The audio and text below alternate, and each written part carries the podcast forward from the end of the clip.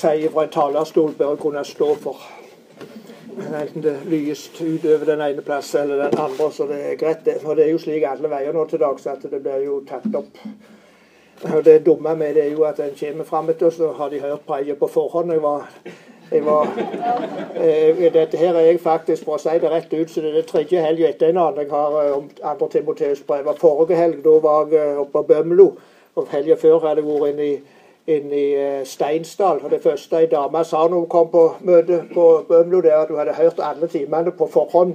eh, For de lå, lå ute på denne her sida til Steinsdal. Men det betydde vel tenker jeg, at hun trengte noe repetisjon. Så det var ikke så farlig. Ellers så er jeg jo litt bokhandler òg, vet dere. Eller jeg vet ikke om dere vet det, men dere får iallfall greie på det nå. Så jeg har tatt med noen bøker. Eh, Carl, denne, denne biografien om Carl Fredrik Wisløff, eh, den eh, mener jeg jo alle skikkelige bedehusfolk bør ha i heimen. Eh, Jeg har noen med her. To, fire, fem. Gunnar han har jeg vært selv på døra, så han trenger ikke. Eh, og, så, eh, og så er det jo Lutherjubileum, så der ligger, eller reformasjonsjubileum, så der ligger jeg om, om Luther der borte. De av dere som følger med i dagen, har sikkert registrert at det har vært en debatt om forsoningen. Eh, og om vranglærende oppfatninger om forsoningen som er på, på vei inn. Og dette er så helt fundamentale avgjørende ting at det bør en være litt eh, på. Denne debatten har også oppstått ut ifra at Arne Helge Teigen, som jo er på Fjellhaug, eh, har gått gjennom en del ting og, og lagt fram. Og med utgangspunkt i den boka så har og, Dette er altså positiv framstilling. Det er ikke han som lærer vrangt, men han påviser vrang lære, pluss han lærer, viser hva Bibels lære er. Så den lille der. Og så er det slik at, eh, at eh, alle prisene som står her, de, her denne her koster 398, og da selger en egna for 400. Eh, Slik er det med alle. De går opp fordi at de må runde Jeg kan ikke drive med de der kronene. Det, det er porto eller transport, den der kronen. Og her er det ei lita og enkel ei. Eh, som jeg bruker å si, den er kommet ut på Harmon forlag. Og, og når jeg skulle lese den anmeldende i dagen, så begynte jeg med nokså lite tro på denne boka her. Men den fant jeg ut var ei veldig flott sak. Ei enkel bok egentlig. Heter 'Guds overveldende nåde'. Hvordan Jesu stamtavle avdekker Guds store kjærlighet. Det er ganske interessant når han tar fram eh, eller disse to tar fram eh, personer fra Jesus stamtavle. og De er jo nokså forskjellige, disse folkene der. Vi hadde passet inn der alle sammen. Eh, Så, så en liten enkel sak til 100 kroner på salg, den.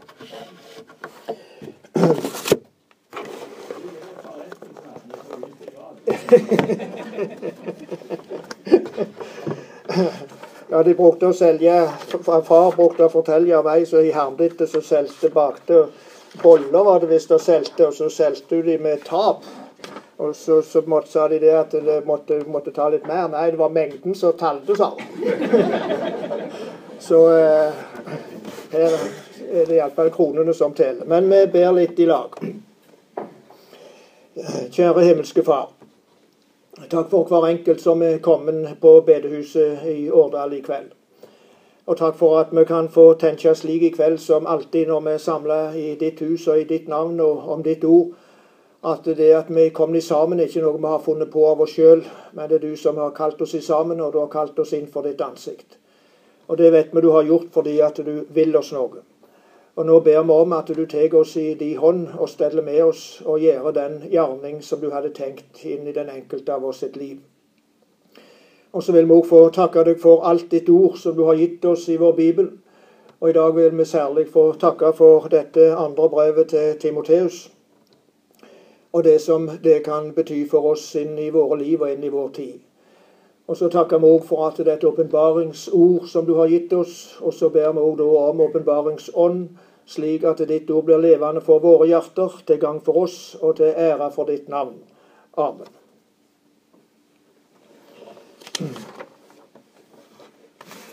Eh, Dette andre brevet til, til Timoteus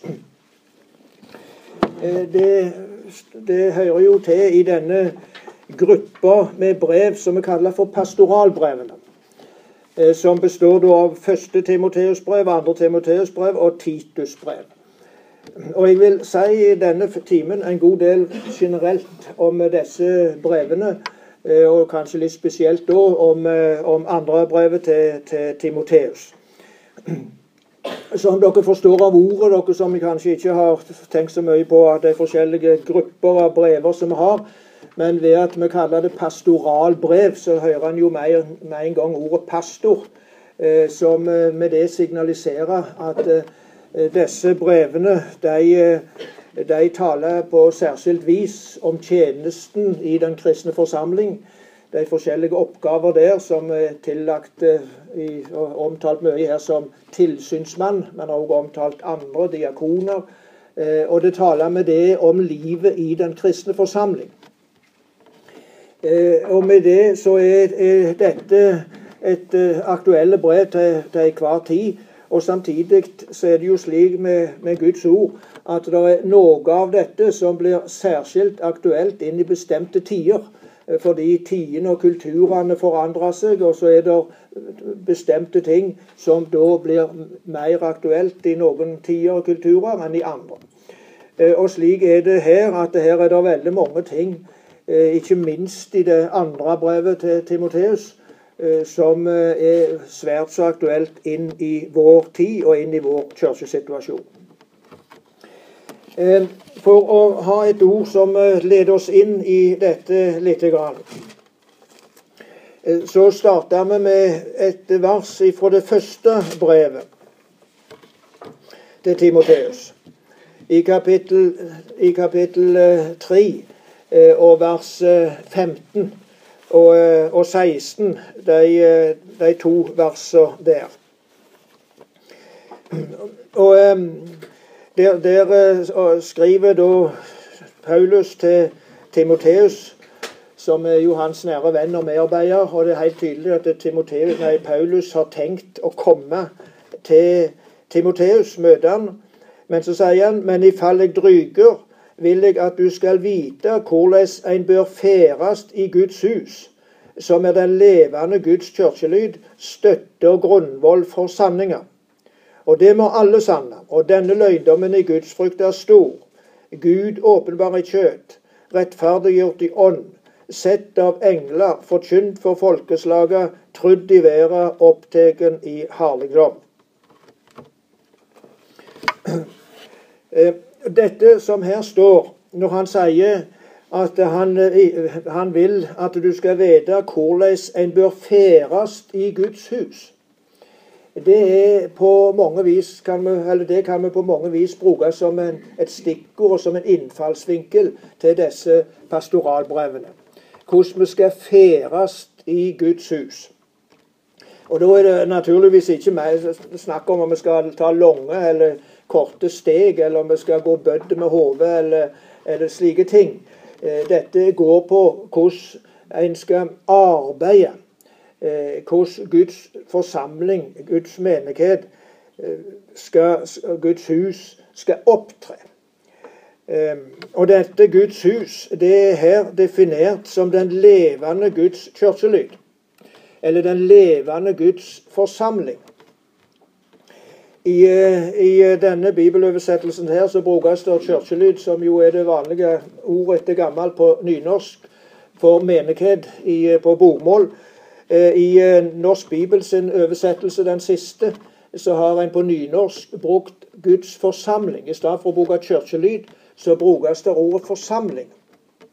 Eh, og det har visstnok med òg at ordet lyd, altså kirkelyd altså, Unge folk forstår ikke hva en lyd altså De tenker på, på, på en lyd, altså klokka som klinger i kirka, eller et eller annet.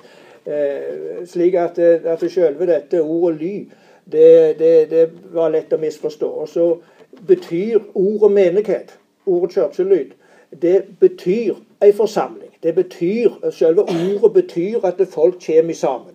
Og Derfor er det òg noen som vil mene at, at òg på bokmål burde de ha brukt det ordet forsamling.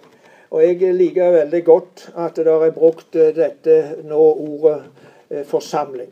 Fordi det sier oss noe vesentlig om hva kirka, menigheten, kirkelyden er. Det er, det er forsamlingen av de hellige. der en kommer i sammen. Og i denne forsamling så vil altså Paulus at Timoteus, og med det oss andre, skal vite hvordan vi skal stedle oss.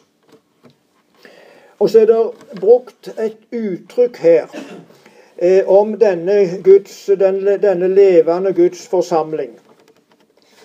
Den er omtalt som støtte og grunnvoll for sanninga. Vi kunne mest tenkt oss at det skulle stått motsatt. For det her står det altså at kirka er grunnvollen for sannheten. Umiddelbart så ville vi tenkt det skulle stå motsatt. Altså at sannheten var grunnvoll for kirka. Og støtte for kirka. Og det kunne det ha stått. Fordi det står andre plasser, egentlig. Når det står at det er, er en, er en grunnvoll som er lagt ved profeter og apostler, der, der hjørnestein er Kristus sjøl, og at vi skal bygge på denne grunnvoll, og se til hvordan vi bygger, så kan vi si at sannheten er, er grunnvoll for den kristne forsamling. Men samtidig så sies det òg motsatt vei, altså at Kirka er støtte og grunnvoll for sannheten. Det, og det må bety noe i retning av at den kristne forsamling skal ta vare på sannheten. Den kristne kirka skal, skal, gi rom for sannheten og skal forkynne sannheten, slik at sannheten går ut fra den kristne forsamling. At sannheten har sin basis i, i den kristne forsamling i det ord som det råder og blir forkynt. Og Det er et, eh, et, et uttrykk som en her bør med en gang merke seg. At når vi skal vite hvordan vi skal ferdes i Guds hus, som er den levende Guds forsamling, så skal en altså gjøre det ut ifra denne tanke at denne forsamling skal være støtte, og er støtte og grunnvoll for sannheten. Og når så dette kort med en del eh, nokså nok oppreknende uttrykk skal sammenfattes, hva en da er støtte og, og grunnvoll for, så heter det slik og det må alle sanne, og denne løgndommen i Guds frykt er stor. Gud åpenbar i kjød, rettferdiggjort i, i ånd, sett av engler, forkynt for folkeslaget, trudd i været, opptatt i herligdom. Det er noe av det som en skal være støtte og grunnvoll for i den kristne forsamling. Det er flere ting som eh, blir tatt fram i disse pastoralbrevene.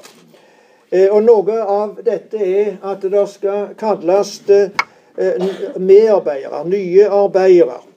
Og da sies det, sies det slik i, i Titusbrevet der sier Paulus til Titus i kapittel 1 og vers 5.: Jeg let deg være att på Kreta for at du skulle ordne det som ennå sto att, og innsette eldste i hver by, såleis som jeg bød deg.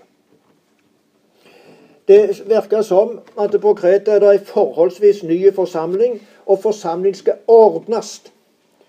Det skal være ordna forhold, tjenlige forhold. Ting skal ikke flytes, flyte, men han skulle ordne det som ennå sto att, og deriblant så skulle han innsette eldste. Det vil si åndelige ledere. Så er det også slik at eh, når vi leser i disse pastoralbrevene, så leser vi òg om at det blir stilte bestemte krav til de som skal være åndelige ledere. Og de krav går egentlig på to plan. Det ene er på det mer etiske planet, og det andre er på dette at de skal være, være i stand til å forkynne den sunne lære. De to ting går igjen. Og I forlengelsen av dette, som vi nå leser fra Titus, så heter det slik en eldste lyt være ulastende, han må være mann til ei kvinne og ha truende barn som ikke har ord på seg for utskjæringer eller trass. For en tilsynsmann må være ulastende som husholder for Gud. Ikke sjølvrådig, ikke bråsint, ikke drikkekjær, ikke hardhendt, ikke lysten etter ussel vinning. Han må være gjestmild, glad i det gode, sindig, rettferdig, heilag, sjølvtøymende. Han må holde fast på det troverdige ordet i samsvar med læra, så han kan være skikka til både å formane ut fra den sunne læra og til å drive tilbake de som sier imot. Og Mer kunne vi lese om det. Tilsvarende står det andre plasser. Nå er det ikke slik at det er en spesiell etikk for kristne ledere eller for forkynnere. Det er jo de ti bud som gjelder for alle. Og de formaninger som er i Skrifta, gjelder for alle. Og Samtidig så blir de aktualisert på, den, på, de kristne lederne på en særskilt måte, fordi at eh, disse har et særskilt ansvar og er forberedt for de andre. Og så blir det altså fokusert på dette at de må holde fast på de troverdige ordene i samsvar med lære og være skikka til å formane. Den sunne lære skal vi holde fast på alle, men det er noen som har fått et særskilt ansvar og må, må opptre i samsvar med det. Så er det òg eh, vekt på dette at eh, i disse brevene at Guds ord må forkynnes. I, eh, I, det andre brevet, i kapittel fire, der heter det slik ifra i vers 1 og 2. Og, og legg merke til først vers 1. Der heter det slik Jeg vitner for Gud og Kristus Jesus, som skal dømme levende og døde, og ved Hans komme og Hans rike. Og Så står det et kolon. Altså Han sier vitne. Det vil si, han tar Gud som vitne på. Det er mest som en ed han avlegger på. At det jeg nå sier, eller det jeg nå skal si, det er helt avgjørende viktig. Jeg, jeg vitner for Gud og Kristus Jesus, han som skal dømme levende og døde. Han stiller seg altså inn for Guds dom, med det han nå skal si, ved hans komme og ved hans rike. Det er en voldsom sterk understrekning, det Paulus her gjør, av det som han nå skal si. Forkynn ordet. Vær bydd i tid og i utid, overtid, tal til rette og tal til trøst, påminn med alt langmod og all lære. Forkynn ordet.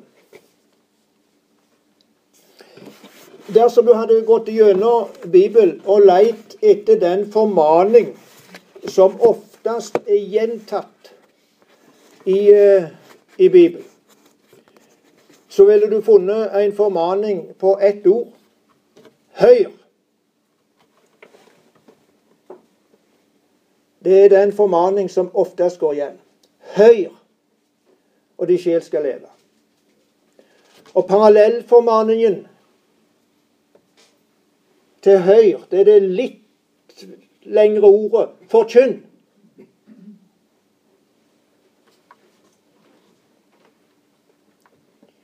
Forkynn ordet. Vær budd i tid og i utid. Det står ikke at du skal forkynne i tid og utid. Det ville bli altfor voldsomt, og det kunne bli nokså masete. Og folk ble irriterte. Men du skal være bydd, sier han, i tide og utide. Nytte alle sjanser. Og gjøre det slik at folk får høre.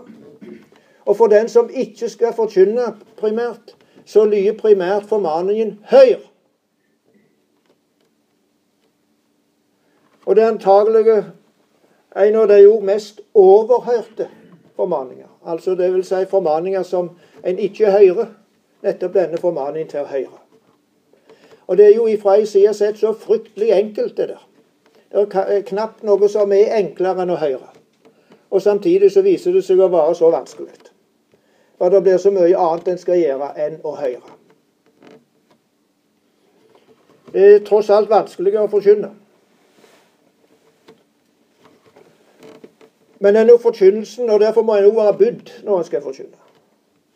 Men denne forkynnelsen blir òg da nevnt opp med forskjellige ting. Overtid, tall til rette og tall til trøst. Påminn med all langmod og all lære. Dette sies òg at forkynnelsen skal variere, være brei, få med seg alle element i Guds ord, som skal forkynnes hele Guds råd. Og så er det samtidig et, eh, et eh, fokus òg på det som gjelder vranglære. Og, og, det å advare mot vranglære i, eh, i disse brevene.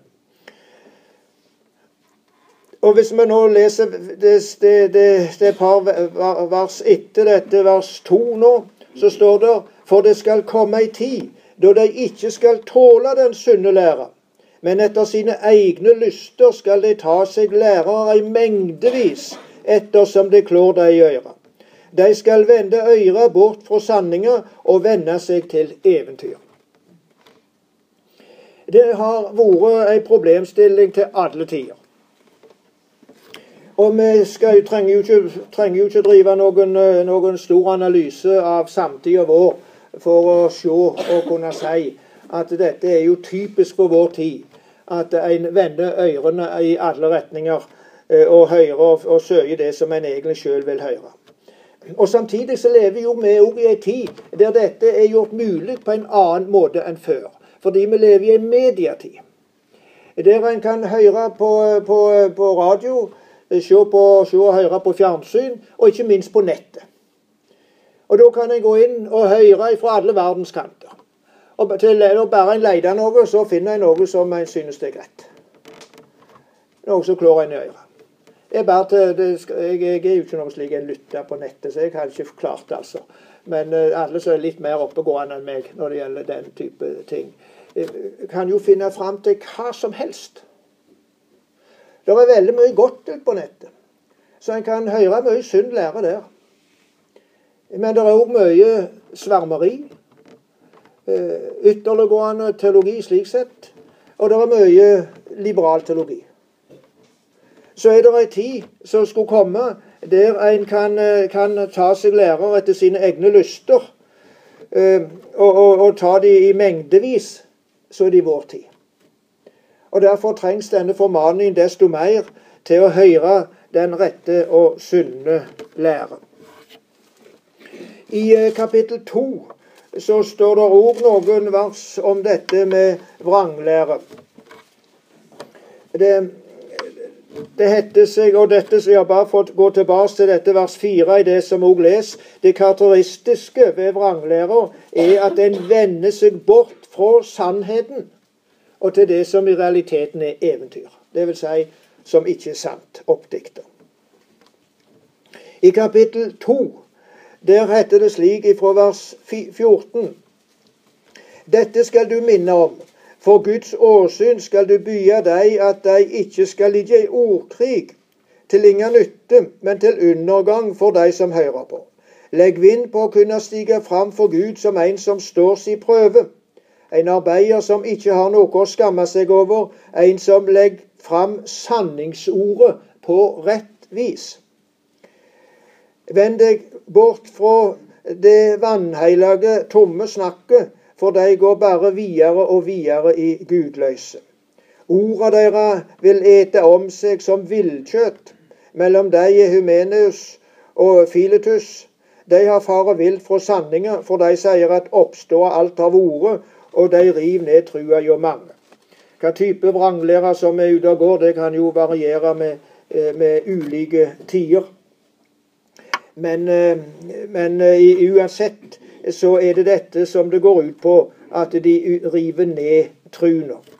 Og Når det her er talt om å legge fram sanningsord på rett vis, så er det et uttrykk etter rett vis som betyr å skjære noe til, slik at det blir rett, slik at det passer. Og så skal en altså syte for at, at Guds ord blir forkynt i sin rette stand, etter de rette linjer. Det kan visst òg brukes, dette ordet om å, om, eh, på rett vis om at når du legger en vei, at du passer på å finne en god skjæring for han, slik at han går beint og rett. Eh, og tilsvarende skal det altså òg være beint og rett i forhold til det som er rett og sant. Vi har vært innom dette verset i kapittel fire om den sunne lære. Men la oss òg ta et par andre uttrykk for uh, for akkurat det. I første, første brev til Timoteus så står det i kapittel 1 og vers 10 der er det i vers 9 og vers 10 så er det talt om forskjellige sorter synder, som jeg nevnte opp der. Og så, det, og så, summeres liksom opp. Og hva det ellers kan være som strir imot den sunne lære etter evangeliet om Guds hele herligdom. Det som har blitt tiltrudd meg. Altså, et liv i strid med de ti bud er i strid med den sunne lære, står her. Og nå har jo dette aktualisert seg akkurat uh, denne uka som vi har vært gjennom i forhold til disse vedtak som nå er gjort i kirkemøtet om uh, vigsel av, uh, av likekjønna. Og blant de som er synder, som er oppnevnte her, så er det oppnevnt menn som ligger med menn.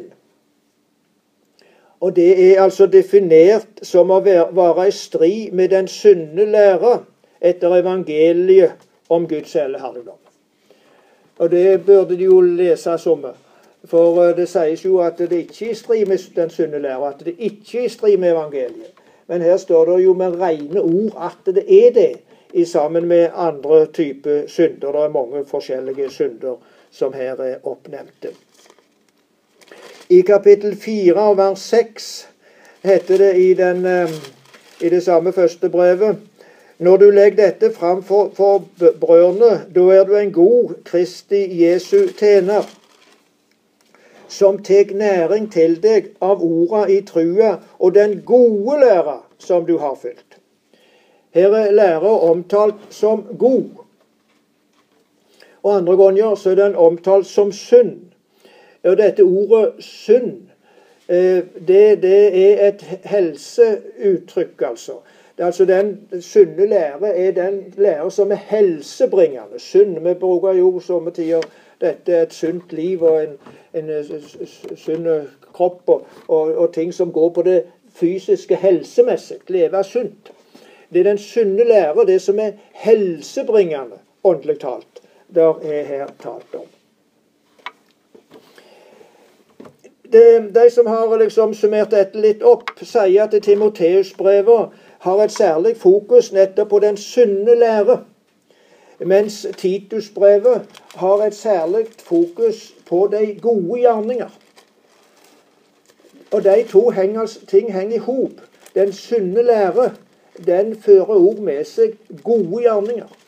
I uh, Titus, Vi kan bare ta med et par uttrykk der fra Titus. I kapittel 3 og vers 8 så heter det Det er et truverdig ord og dette vil jeg at du skal innprente, så de som tror på Gud, må legge vind på å gjøre gode gjerninger. Det er et truverdig ord. At en skal legge vind på å gjøre gode gjerninger. Dette er godt og ganglig for mennesket. Og i vers 14 Våre egne folk, altså de som hører den kristne forsamling til, våre egne folk lyt òg lære å gjøre gode gjerninger når det trengs, så de ikke skal være uten frukt. Og Hvis en ser litt kirkehistorisk på det, og særlig hvis en går tilbake til den første kristne tid, altså oldkirka fra apostlene og framover til år 500, slik rundt regna, da hadde jo kristendommen en voldsom ekspansjon rundt Middelhavet. Enormt, altså. Det skjøt fart som, eh, som aldri før, naturligvis. Det er jo ikke sjanse til å gjøre det før. Men heller som aldri seinere. Enormt så det ekspanderte. Og da sier det egentlig var to grunner til det. Det ene var at de forkynte evangeliet. Folk reiste rundt og vitna og forkynte evangeliet. Og det andre var de kristne sine gode gjerninger. Det vil si diakonien, barmhjertighetstjenesten. Diakonien var en banebryter. Og, og det viser seg jo i misjonsarbeidet ofte at diakonien, de gode gjerningene, betyr veldig mye for at folk skal bli frelste. Ikke fordi de blir frelste ved de gode gjerningene, men fordi de spør vitne om at det her er noen som tror på noe, noe som betyr noe for dem. Og så, og så var det slik den første kristne tid, f.eks. når det var pest og den type ting, så folk ble smitta, så, så de, disse vanlige hedningene de, de, de skydde disse som var syke. Mens de kristne de gikk og pledde dem, tok seg av dem. Og mange prester omkom, døde, fordi de ble smitta, de òg. Men de gjorde det like godt. Og så lurte folk på hva i all verdens slags folk er dette her? Hva kjærlighet er det de har? Hvor kommer dette ifra? Jo, det er en som har gitt livet sitt for oss. Jesus. Det er han som er utgangspunktet for dette. Og så lytter de til evangeliet. De gode gjerningene, diakonien, er avgjørende viktig. Jeg driver forresten og underviser i diakoni på Fjellheim for tida. Det, eh, og det liker faktisk elevene å høre om. De synes det der er litt spennende, rett og slett. Og det er litt nytt for dem når de hører noe om det der. Dette, dette brevet til, disse brevene som, som, Paulus her skriver, de er veldig personlige i, i, i tonen. Og det er, er mange navn som er nevnte i dem. Og Samtidig så skriver Paulus disse brevene som vanlige brev. Eh, slik som vanlige brevform var på den tida. Det gjelder alle brevene til Paulus og for så vidt de andre. De føler den vanlige malen for slik en skrev et brev i den tida.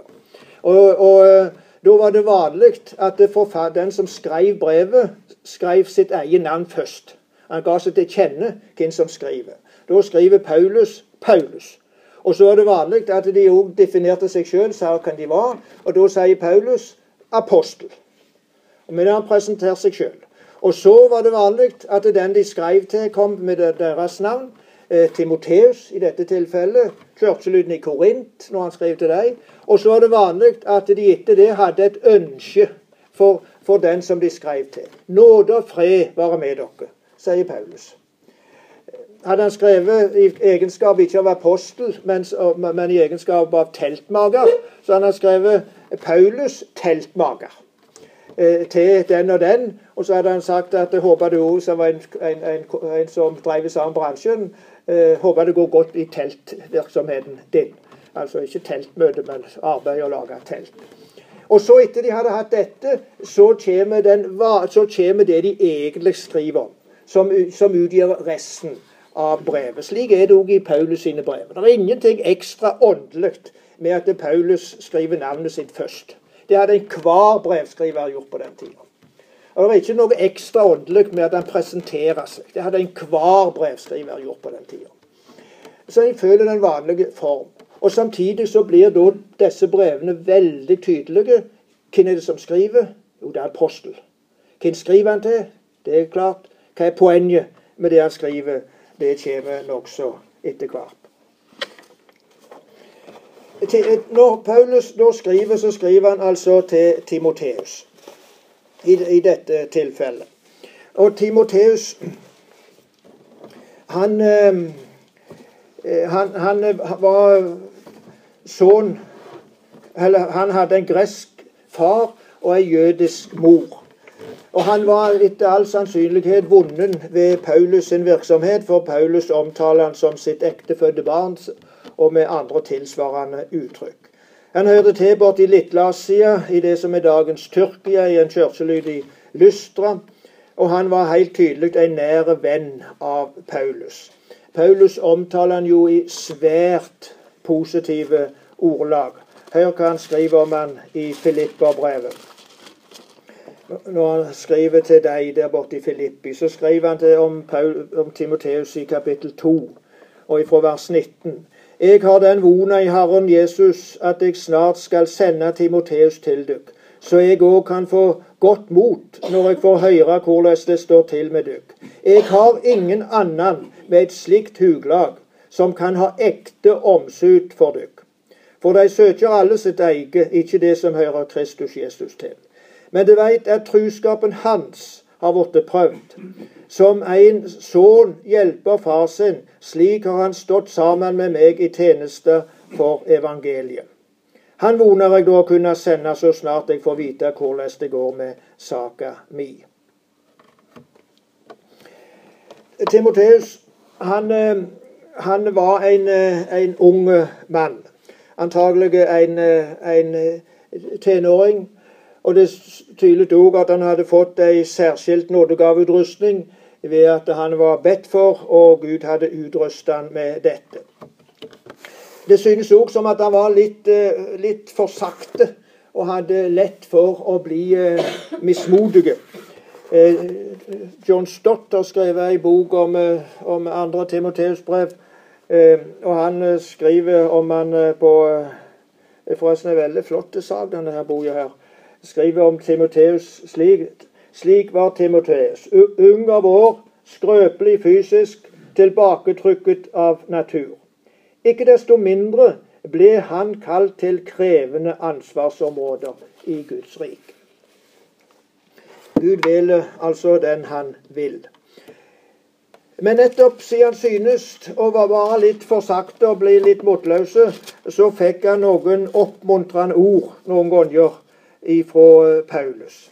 Det ene det finner vi knytta direkte til tjenesten og nådegaven hans i kapittel Eh, eller alderen hans, mener jeg. Eh, og for så vidt òg nådegaver etter hvert, i, i kapittel 4 i første brevet, fra vers 12. La ingen vanvøre deg fordi du er ung, men vær et føredømme for de truende i tale, i fard, i kjærleik, i tru, i reidleik. Legg vind på opplesing av Skriftene, på formaninger, på lære, til jeg kjem. Forsøm ikke den nådegåve som er i deg, som du fikk ved profetord, da de eldste la hendene på deg. Og Så skriver han i det andre brevet, i kapittel 1, og eh, vers, eh, vers 6 og 7.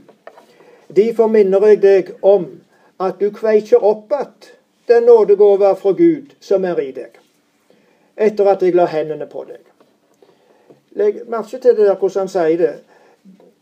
Derfor minner jeg deg om at du kveikjer opp att den nådegave som er i deg. En nådegave, Når en har fått en nådegaveutrustning, så er det ikke slik at den er der liksom og står konstant. En nådegave vil være i utvikling.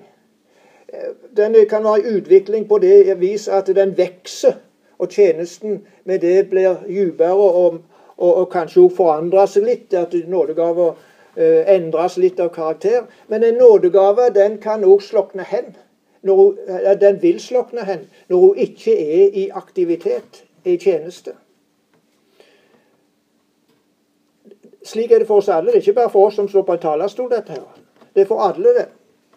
Når en har fått ei kall ei utrustning, ei oppgave i den kristne forsamling, og en trekker seg tilbake, så sløvner nådegaver. Så, så, så, så, er det akkurat som, eh, som her det kveiker opp, altså som det er en brann, som en eld, som, som, som taper seg og taper seg. Og til slutt så vil han ha sluknet helt.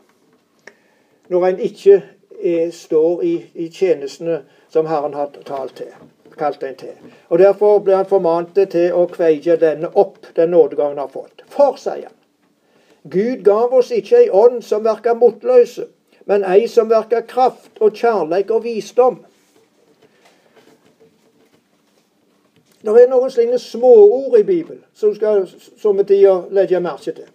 Og Jeg la særlig merke til noen av disse småordene. En gang jeg hørte han, han, han Svein Tindberg, vet ikke det han heter, som leser hadde Markusevangeliet var det vel han drev og, og framførte. Og når han kom til noen, så tok han en kunstpause. Og så da kom disse her små ordene, så, så en kunstpause. Så, sa han. Så liten kunstpause. Eller og. Eller for. Eller men. Ord som vi bare får forbi òg, men for. Så med han la vekk på disse små ordene. Så fikk han det fram noe. Kveik opp den nådegave som er i deg. For Gud gav oss ikke ei ånd som virker motløse, men ei som virker kraft og kjærleik og visdom. Det er bakgrunnen for at nådegave kan kveikes. Og Det er jo et kjent vers, det der, som ofte siteres. Så vi kan kanskje være litt glad for at Timoteus var litt saktmodig. Og hadde tendens til å miste motet, slik at det der verset kom med i Bibelen. Fordi det kan vi vel trenge noen hver dette for. Gud gav oss ikke ei ånd som virker motløse, men ei som virker kraft og kjærleik og visdom.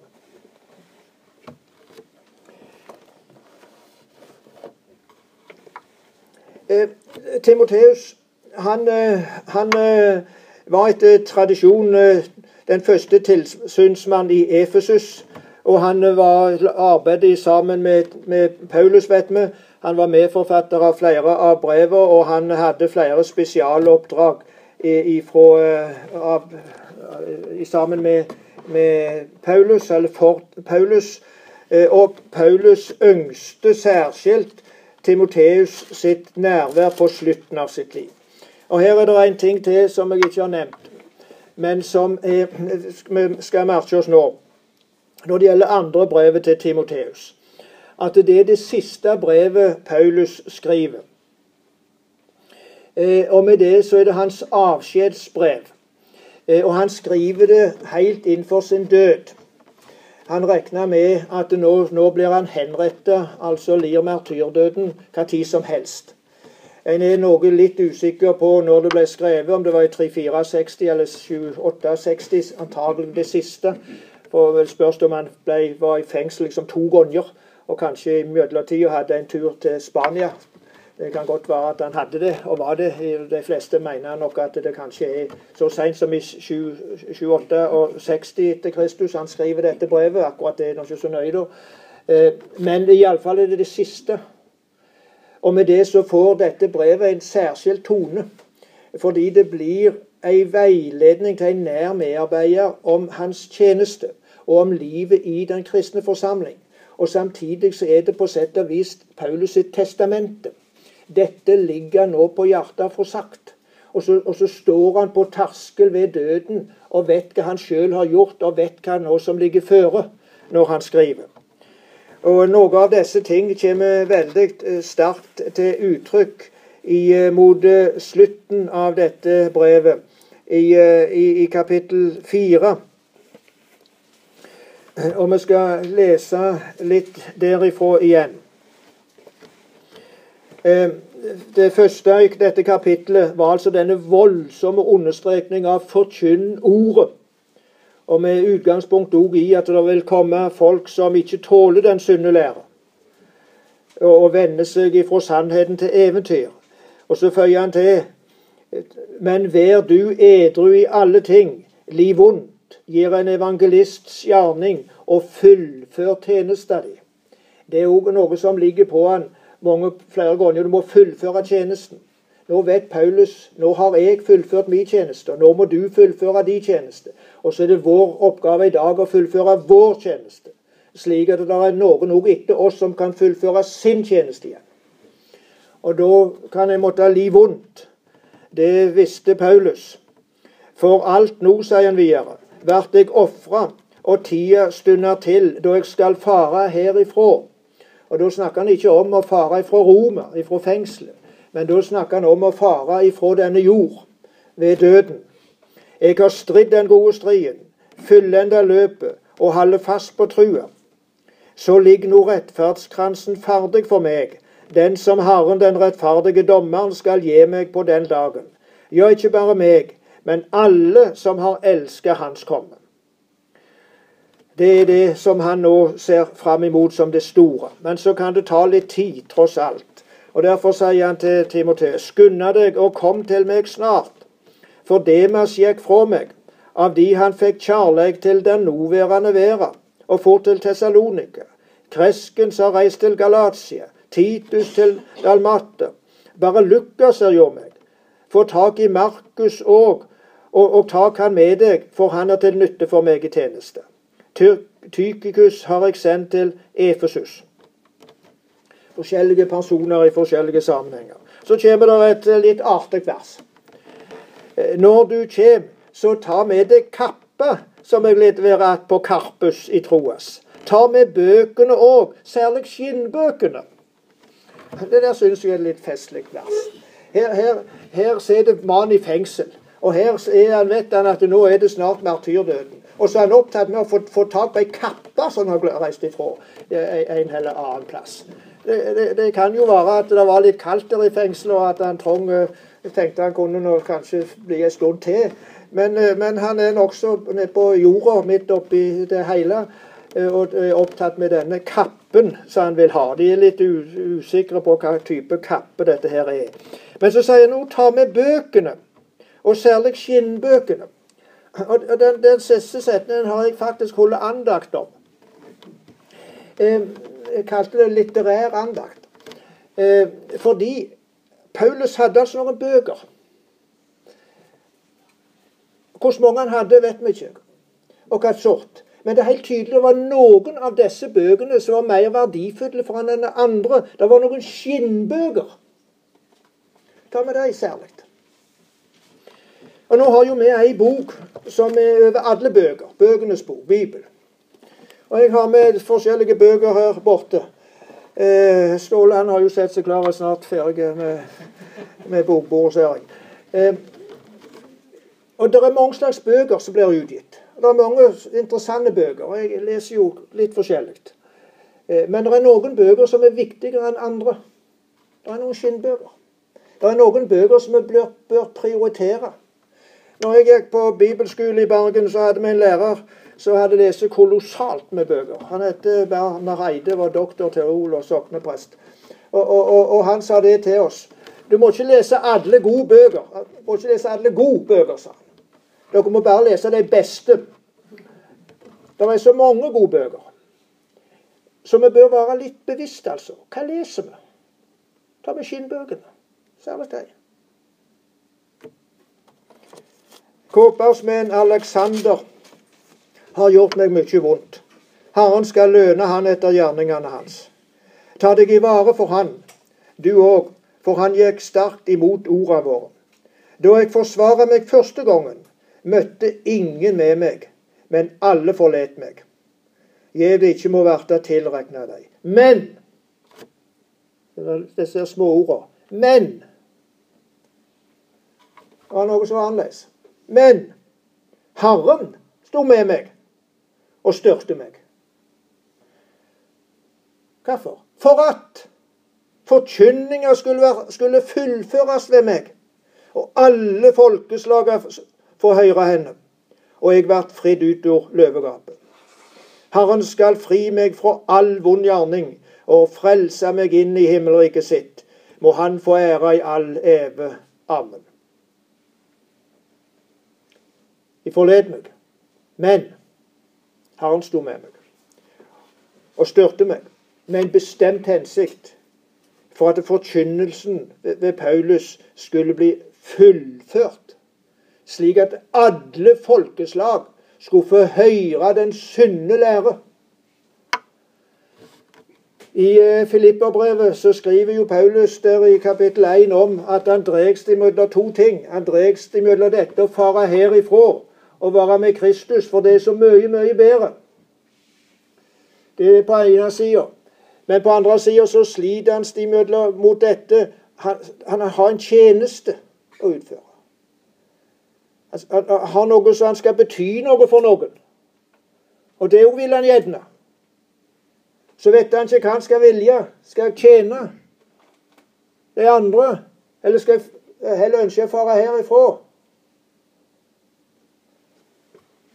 Når vår tjeneste er fullført, da tar Herrens oss hjem til seg.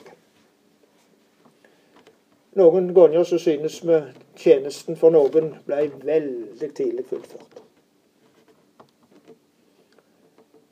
Men det syter Herren for, og det har Herren kontroll med. Og for andre så blir tjenesten veldig lang. Til tider synes vi meste for lang. Vi kunne få flytta noe før. Synes vi. Men Herren sto med meg, og han styrte meg for at forkynninga skulle fullføres ved meg, og alle folkeslaga får høre han. Vi tar med de siste versene før vi tar kvelds. Helst Priska og Akvilas og huslyden til Onesiforus. Er status vært att i Korint, Trofimus let jeg være att i Milet av de han var sjuk. Vi kan jo undres på hva i all verden de sånn, regner opp disse navnene etter. Vet ikke greie på dem. Men det taler samtidig om noe av det nære, det personlige. Forsamlingen har med folk å gjøre. Og det har med relasjoner å gjøre på godt og vondt. Også i Paulus sitt liv. Skynde deg å komme før vinter, sier han. Ebulus og Pudens og Linnus og Claudia og alle brødrene hilser deg. Herren være med i ånd. Nåden være med dykk. Da tar vi litt pause.